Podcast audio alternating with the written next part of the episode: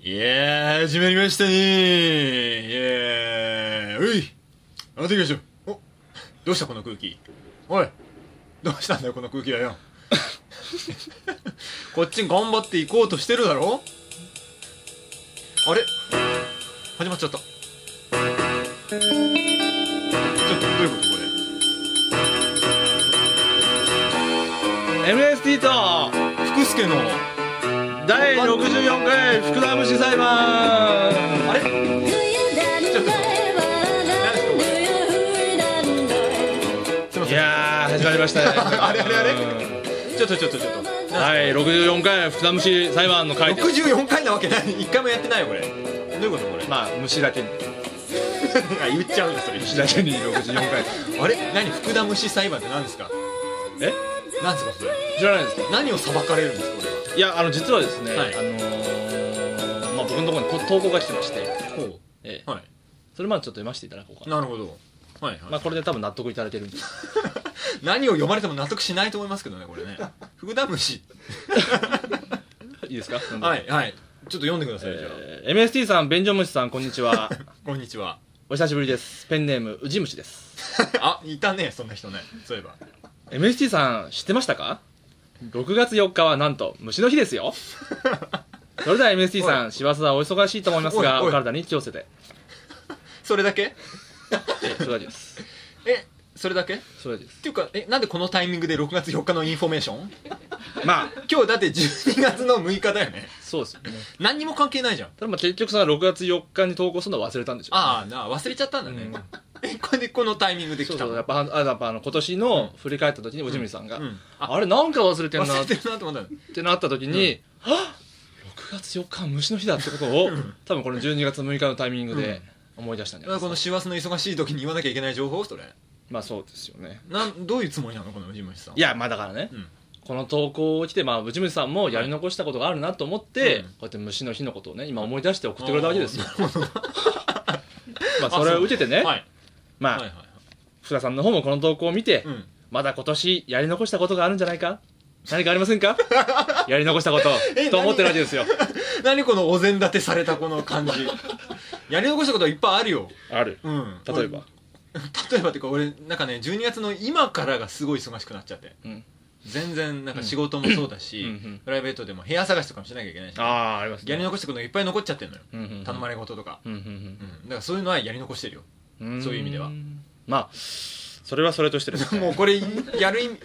俺に言わせる意味なかっただろ言っても言わなくても次の流れは決まってたんだろいやいやまあ福田君はね、うんいろいろあるんですよあるよあるよ個人的にね、うんやりまあ残したことは、それはそれとしてほらぶんぶん投げてんじゃねえかよまあ前々からあの疑惑に上がってたことあるじゃないですか、いえなんなんですかねや知らないですかはいあれ福田君聞いてないのなんですかなんですかこれ福田君だから、まあ前々からね僕らの間で、大塚入高校において、はい疑惑としてはい一つあるじゃないですか、なんですかなんですかええっと福田は本当は虫なんじゃないかっていう、えなんだってそういう疑惑なもう一回ちょっとリスナーに伝わってないと思うからもう一回言おうよ いやだから前々からあの大塚入高校内で、疑惑として、はい疑惑として持ち上がっていたあの、はい福田は本当は虫なんじゃないかちょっと待ってくださいあるある あるなみんなあるあるあるある福あの ONC あるあるです よこれこれは伝わらないぞこれまあ聞いてる方伝にはわる伝わらないとかそういう問題じゃなくてですね、まあ、そういう疑惑があるので、うんそれをまずはうん今年に最後に検証して、まあ、または6月4日は虫の日ってこともあるます、ありますからねそれ全然ちなんでないから今日にまあまああるじゃないですか、うん6月4日は虫の日っていうこともあるし、うん虫歯の日だよそれを含めてね本日ちょっとお送りしようかなと思ったらこちらでございます、はい第64回福田虫裁判ほら音楽もな らないああこれね秋の虫のねな鈴虫よく鳴いてるねこれねいやーお金をあげるか泣いてる泣いてらる付き合ってくださいもう今日の放送で、まあ45回ですか、はい45回ですねまあ、迎えるわけですけれどもね、ここまあでこ来うましたけれども12月ということでね、まあ、はい新年に向けて、はいこれやっぱ遺恨を残さないためにも、だから俺は何の遺恨も残ってないけど年内に蹴りをつけようじゃないかってこの問題に。に関してさ、うんうん福田は虫じゃないから、あれ、福田さんは虫なのか否かっていうのは、虫だとしたら何虫なのかっていうね。いやいや、 そこまで掘り下げてさ、まあ、あとまあ26歳だって言うけれども、それは人間で言ったら何歳になったのかとか。人間で言って25歳だよまあそういった日頃の疑問をですね、今日はやっぱりすっかり解消してい こうと。なんで犬で言ったら死んでるみたいなさやめていうことがこのの特別が第64回札虫裁判なわけですよね。福田君、福田虫じゃないん福田君、ジャッジするまでもないんだけどどう福田ないんどう福田い君。やだからこうして俺がいる以上すでに虫じゃないだろ人だろ静かにしろよ、お前。泣いてんのは虫であって俺じゃないから福田虫が泣いてんだろうん虫ない虫は泣いてるよ静かにしろよ。退場させるぞ、お前は。ちょっと待ってくださいよここまで44回積み上げてきたささ人対人のやりとりが早速虫福かい田裁判を書いていきたいと虫だ思いますけに準備をお願いいたします。お願いします。よ基本ろしいですか基本なんかあれだね全然じゃあ福田さん、あのー拾ってはもらえないんだね、この福田裁判を始めるのは当たってですね。はい、うん、今日いきなり虫扱いですけど大丈夫ですかこれまあズバリですね、はい福田さんに問いたいのは、はい虫たちの弱点といえば何ですか、福田さん。え虫たちの弱点虫の弱点立場がないってこといだわよゆる昆こ虫のよのうに昆虫の弱点。やらないよ火で炙ったり水に沈めたらダメだろお、な、な、なんて言いました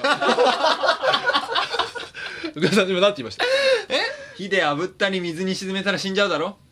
ビ ンゴ福田さん。ビンゴっ分かってるね、あまりね、あのやっぱ、ええ虫の弱点といえば、まあ、火に炙るのもうんもちろんですけれども、うんはいまずは水分でしょ、うん ねまあ、やっぱ虫たちは水をかぶると弱りますよね、まあそりゃそうだろうなそこで福田さんが、虫かどうか、これ検証していこうとい うことでですね、水分にどれくらい強さを発揮できるかっていうのを見せていただきたいんですよね。別に強くもねえよ強くも弱くもねえよそんなのいやいや、まあ、そこでね、とりあえずはここで沈めれば死にあのますよコカ・コーラの 350ml プラス 150ml、美味しさプラス 150ml ってね、でっかい缶がありますね、これ。平気で500あんじゃねえかよまあこれをですね、あのーまあとりあえずは、一気飲みをしていただいて、水の話だったよ ねもし飲み干すことができれば、もうこれはもう見事虫じゃないっていうことはもう証明されるわけですか ら。ちょっと待って水の話だったし飲み干す飲み干さない虫関係ないでしょね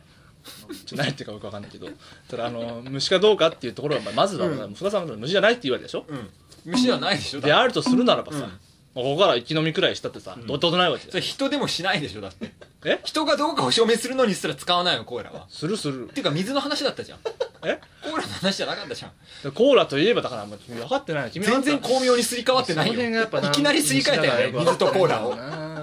よくややりましたよねやっぱ皆さんあの若い頃に、まあ、子供の頃にね、あのコーラを片手に、うんあの虫取り網を持っていったじゃないですか いかいかなかったよねまあその時に虫が例えばアリがね、んアリしたらまあむ子供っていうのはやっぱり無邪気ですから、うんじゃあ虫にあこのアリにこういうコーラ垂らしてどうなんだろうみたいな感じでやったら、弱っちゃったあれ死んじゃったみたいなうんなんか切ないみたいなそういう経験誰しもお持ちだと思うんですよ、そうかなあるかなうんうんだからそこはやっぱりあの、そこえでそれをなんで俺が一気飲みすることで解消されんのそこがそこがいやだってアリは一気飲みさせられてるわけだもん そこで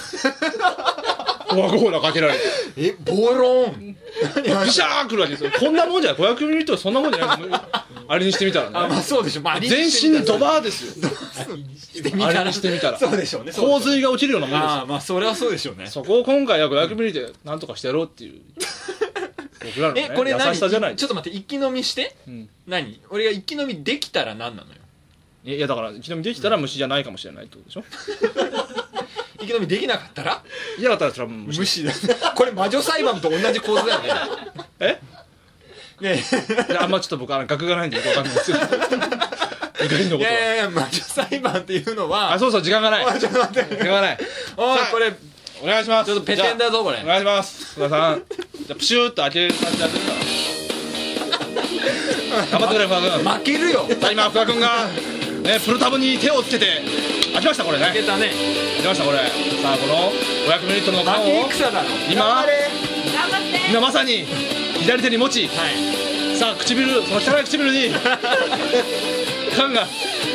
めばいい飲めばいい今飲んでいいんですね接触しようとしてもあっつだつだいちいち入ってる入ってる入ってるごくごく入ってますね今ねこれまさにごくごく入ってますね負けないすごいすごいすごいいいぞこれはでもあれだなあれーいいよ休憩辛い休憩しないでピッてや一気一気つはい来て来てます来てます入ってる入ってる喉を鳴らして今僕は喉を鳴らしてこのコアコールをなんで止めちゃうんだそこで多分きついおてる腹が膨れてるお腹膨れてるの大丈夫大丈まだごめんまだ半分いってない夫だってないでもうさだら最後まで一気飲みしてくだらあれ多分こんなにそんな尺はないんだよ今ここはマスラオデブじゃない限りこんな生き延びできないよ500も馬場君も早く10分見ちゃったんだから早くして次があるんだから次が俺多分30分かけても飲めないよ次があるの早くしてよ頑張れうん飲んでる飲んでるね福田君ねそんな辛い顔しないの俺これ前もやった のに今今世界を救ってって言われるまで気づかなか った前もやってるよ早く飲み干して重い重そうだよまだ中身は一歩一歩いかないのそんなあなたが好きよ忘れ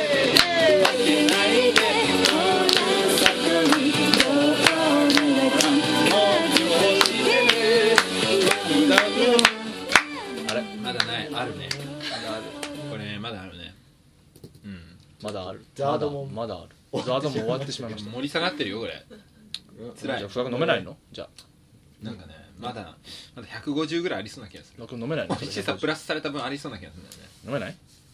飲めないんだったらまあしょうがないけど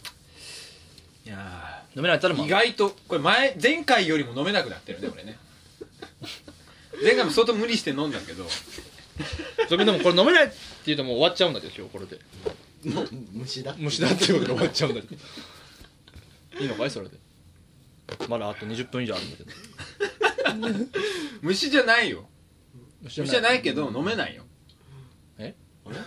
なんかこうこの空気どうしてくれるのなんかええ 俺のせこのたるんだ空気どうしてくれる のい君がゲップが一気出にそうなんだよ今俺は一気でボーンって飲むっていう体でやってんのにこっちはさ、だって飲めないもんね俺もうリスナーの皆さんに申し訳ないだろこれこの時間 いやあーもうちょっともう早くして次のコーナーに行きながら次のコーナーの終わりとともにまあしょうがないなじゃあじゃあまあふたくんがまあ飲め干せないのは遺憾でありますけれどもですね、まあ、そろそろ次の心理に移りたいと思いますあー心理心理ってなんだよ心理 ってえー、続いてはこちらアドリブモテ俳句のコーナ ーなんでジングルがだからいちいち虫なんだよさあ福田さん虫の好物といえば何ですか、え虫の好物虫の好物なんかスイカとかじゃないのあー、まあなんか微妙なとこついてくるなこれ、微妙じゃない正解の一つだろうがよまあ、虫はねあの森に住んでるんで、まあ、樹液とかね、まああはあ、いわゆる木から出る汁を吸って生きてるんですよ、知ってましたかね知ってま したか泣いてる知って知る知ってる知ってるまあそこであまあもし福田さんが虫なんだとしたら、はいこの樹液という言葉を読み込んでですね、見事なモテ俳句を読んでいただけるんじゃないかそう思いましてですね、 えー今回企画させていただきたいんですけれどもどうでしょう、福田さんあーなるほどねまあでも言っても俺はモテ俳句に関してはほら数々の実績を残してきてるわけだからあー、あーなるほどね ちょっともうジングルいいいいよもうちょっとさこれ消え入りそうなんだけどセミの声消えたり消えなかったりさ死にそうなんだよ頼むぞいやー君を虫裁判に放り込むぞ今 からいいか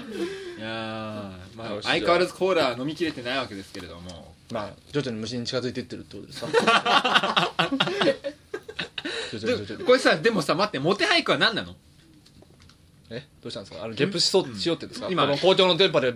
ゲップをしようってんですか虫もしませんよそんなこと今はすかしゲップしてるから待 って虫虫はゲップなんかしませんよこれはもう 何樹液を読み込んでモテ俳句が読めたら何なのよ読めたらまあ、うん、虫じゃないかもしれないえー、す そうなの虫じゃないかもしれないし逆に虫かもしれないじ ゃあもうじゃあどっちにも触れちゃうんじゃんじゃあえ俺が読わ読むだけじゃないじゃんじゃあ読んでも読まなくてもでしょ準備大丈夫ですかねそうそうじゃあ福田君がああ樹液を読み込めばいいのね樹液を読み込んだアドリブモテ俳句でございますはいちょっと待ってあ早っ、えーこの樹液お前のくぬぎは茂りすぎ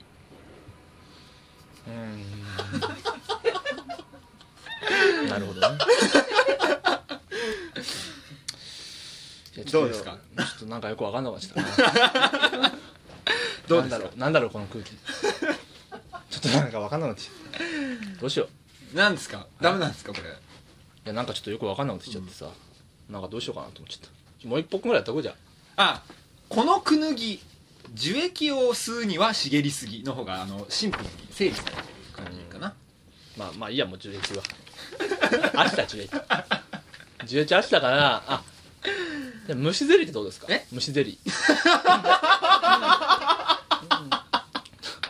虫ゼリー好きでしょ虫ゼリー君はあれだろ、まあまああの子代わり供の頃あのこんにゃく畑を親から与えられなかったからもうしょうがねえやっつって虫ゼリーを虫ゼリーを食食っっててたわけでしょたと冷凍してねあの大好きな虫ゼリーあるけどさ、飼育されている虫の主食はそれだろうけど、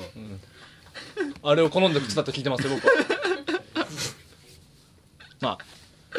まあ、幼少時代にね虫ゼリーを好んで食べていた福田君であれば、はい虫ゼリーを読み込んで、それは見事なアドリブも手俳句をできるんではないかという上層部のからのですね指示で、なるほどええどうでしょう福田君、分かったよ大丈夫ですか自分は虫ゼリーなじゃあ福田君で虫ゼリーを読み込んだ俳句どうぞお願いします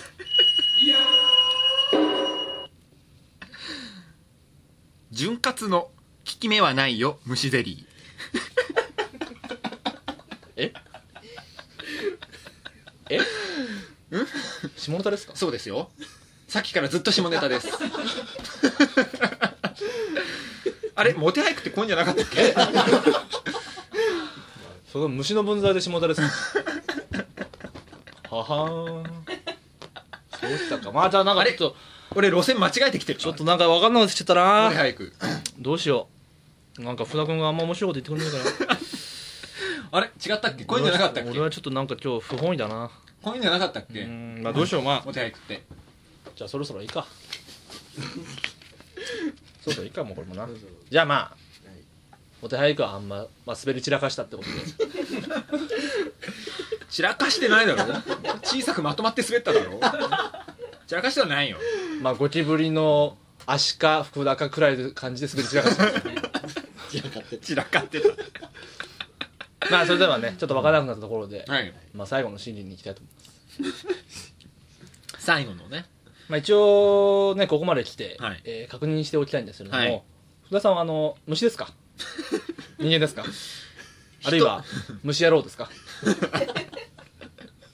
まあ100歩譲って虫野郎でもいいけどさ人ですよ、うんうんこのようにわかりました、ねじゃあ僕はパートナーとしてうん相手方が虫だってのは嫌なんで、うんでし人間ょそがうで虫しじょゃないっていう44回虫とラジオやってたって嫌でしょそんな事実は突きつけられたくないでしょ君まあ、こがれも僕のあの黒歴史になっちゃうんで、ねえでしょそれはぜひ避けたいというわけでですね最後にまあ実はこんな手紙が来てましてどどうせ偽投稿だろそれはこれを読ませていただきますはい読めばいいじゃない MST さん薄葉影郎さんこんにちはちょっと名前みたいにしてんじゃねえよこのラジオで裏方を担当している肉布団恭一でございますでしゃばってくんな本日こうして投稿させていただいたのは他でもありません今回の裁判の被告福田福助さんに一言物申したいことがあるのです実は私が買った高級洗顔料資生堂パーフェクトホイップの量の減り方が半端じゃありませんどうも彼のいい人である罪とバツ子さんがうちに来た際に減っているようなんですそもそもあんなやつの彼女のどこがパーフェクトなのでしょうかうまいこと言って部屋が神田川よりも汚い女にホイプラ線があればまだ早いんじゃないでしょうか言いがかりだよ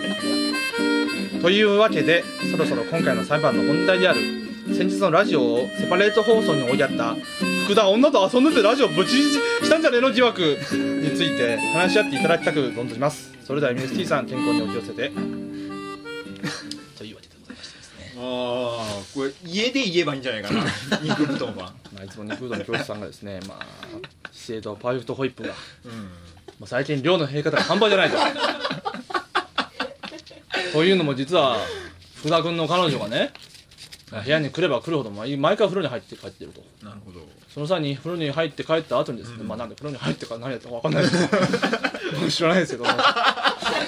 それよくわかんな他いに何すんのよよくわかんないですよ風呂に入ってどうするのかよくわかんないですね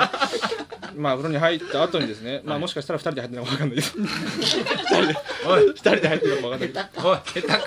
えっとそれ それはよくわかんないけど俺はそしたら、まあ、パーフェクトホイップってあの洗顔料ですよねあれをまあすげえ減ってるっつってふざけんじゃねえこの野郎っつってって言われてたんですよその辺なんかありますえその辺なんかありますかまあまあまあそれは俺も使ってるよ ねパーフェクトホイップはマスラオでも使ってんじゃないかな誰も洗顔料持ってないんでそうなの誰も洗顔料持ってないからさあれしかないからあなるほどね公共財だと思って使ってるところはあったよねまあなるほどね正直うん汚ねえのは面だけじゃねえって言われてなんでこういう時の MST はポンポンねすごいな輝くんだろうねすごいなたさっと言ったりですね、はいえー、まあ本題としてはですよ、はいまあこの間あ別のにそんな罪とバツコさんはね使ってないと思いますよ使ってなパいーフェクトホイップは関係ないじゃあまあ汚ねえ面のまま帰ってるってわけです、お前 汚ねえ面で来て汚ねえ面で帰るってわけです彼女はまあまあまあちょっと言い過ぎたかなこれ 冗談だからな俺に不幸の手紙とか送 るなよというわけで生で面識もあるから ねこれねまあいいやまあいいやそれそでれはそれとしてですよ、ちょっとおか争点が最後おかしなことになってまあ最後ですね、あの先日のセパレート放送あったじゃないですか。はいあれは11月の1日でしたかね。僕と二君が、そういう境がありましてですね。はいじゃあもう二人で、それぞれにそ撮れっぞれて、で撮ってねでアップしようじゃないかっていう。まああれはあれで割と面白い企画としてですね、最後良くなったんですけども、はいまあそもそもなぜあれがはいはいセパレート放送になったのかっていうところでですね、はいまあ今回重大な疑惑が発生してるわけですよなるほどまあ、まず事件の経緯を説明しますとですねこれもうガチガチですけ どももうちょっとガチなんであの当時の僕に送られてきた福田君からのメールを今ここで公開しようと思いますおーそういうことするんだ なるほどねこれは結構マジガチなので僕も読むの恥ずかしいんですよ、ああそういうことするんだねえー、福田福助さんからのメール、えー11月1日11時2分、はい朝ですね、はいえー題名「しまったな」点点点はいはいはい今日ラジオって俺が MST 邸に行くって言ったんだよねちょっとやることが迫っちゃって午後なるはいで済ませたいんだけどそっちに行ってる時間がないっぽい俺一人で撮るとかじゃダメ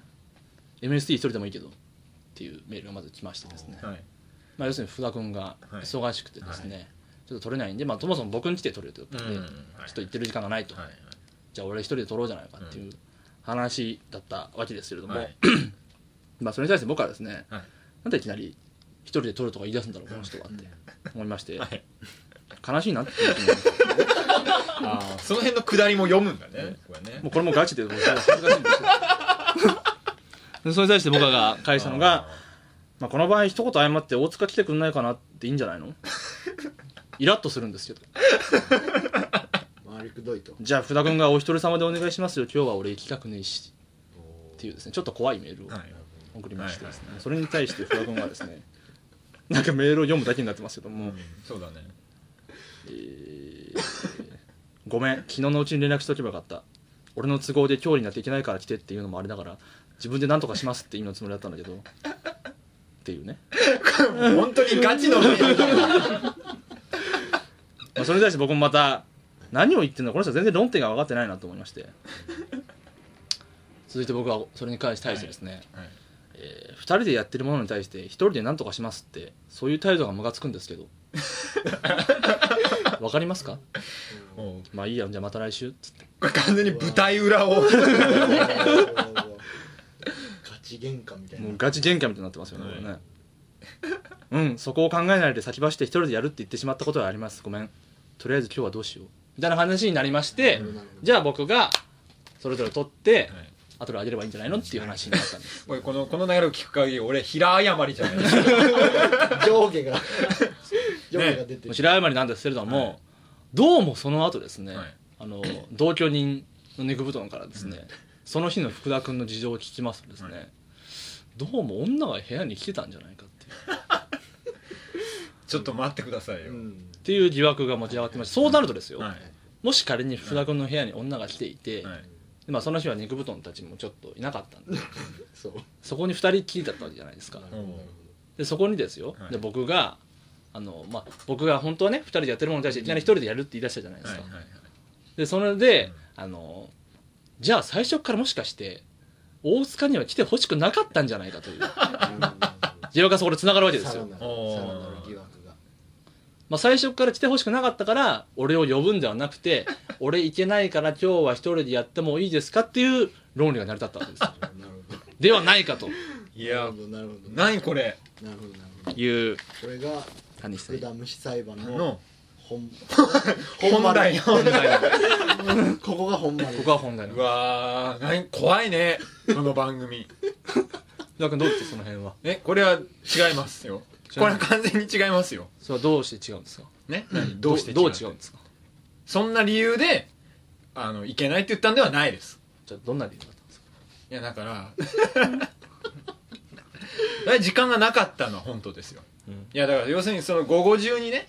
どうしても片付けなきゃいけない仕事があったから、ちょっともうそう終わってなかったから、うん行ってる時間ねえなっていう、うんそこは本当ですようんうんそれをそれを、ね、それは夜彼女が来ていたのは本当ですよそこはその日の夜ねうんうんでもそのなんかちょっとごめん引いちゃったり来てるな 来てるなっていうのを、うん来てるなっていう事実を察知して、そことそのラジオなんだったんだ疑惑を結びつけて、ツイッターに流したのは肉布団です。 火をつけたのは肉布団ですからねこれね、うん、そうなんだけどねまあそうなんだけど、僕はそこでギャグとして片付けられなかったのはんやっぱりこういう経緯があったからそうだよねなわけじゃないですかおおうなるほ福ど田ね、君がね土壇場でねはい、土壇場ですよた本と当え当日そのねの肉布団のツイッターが完全なるデタラメだったとしてもやっぱり火がついちゃうわけだよねそういう なんでいや君が君がつけなければどこにも火はつかないのよ ね僕は正直彼がその収録の時にはい家にいて遊んでたかどうかも全く知らない 家にいなかったから買いも見当もつかないけどもなんかムカついたん だねムカつくなうん買いちゃえって俺それブログ炎上させる人2チャンネルと同じ論理やんようんねそれだけなんだよ ねうんそれだけのことうん、それが一番問題であのまあツイッター上でもかなりね、はい揉めて、はいそれを見て、あまずいなとこれはこれはそこそこまずいなと思って、でもまあ裁判にかけてね、ん本当のところを知れば、う MS と福助が仲良くなれるんじゃないかとまた また2人で歩んでいけるんじゃないかと思って、うん今回ね、うんこう福田虫裁判とかけてんかけてこうかけてこう、うんまあこれこういう別企画をにいいそこそこうまくやってたじゃない今改めて再燃させるまでもなくああそうかそううかんいやでもなんでかなな福田んか君が俺はね一つ確認したいんだよ、はいこのことをね、はい今更掘り作り返して1ヶ月ぶりですけどね、はい一つ確認したいことがあるんだ、はいはいなんですかね福田君がとりあえずそこでねあはいの時、いきなり一人でやるって言い出したじゃないはいそれに対して俺は少し傷ついたんだよはい一人ってなんだよってはい俺たちそうね二人でラジオやってんじゃねえのかよ って俺は思ったんだあの時はいだからその時その気持ちをちゃんと今確認したいんだ 福田君は俺と一緒にラジオやる気があるのかなってそれ確認したいんだ俺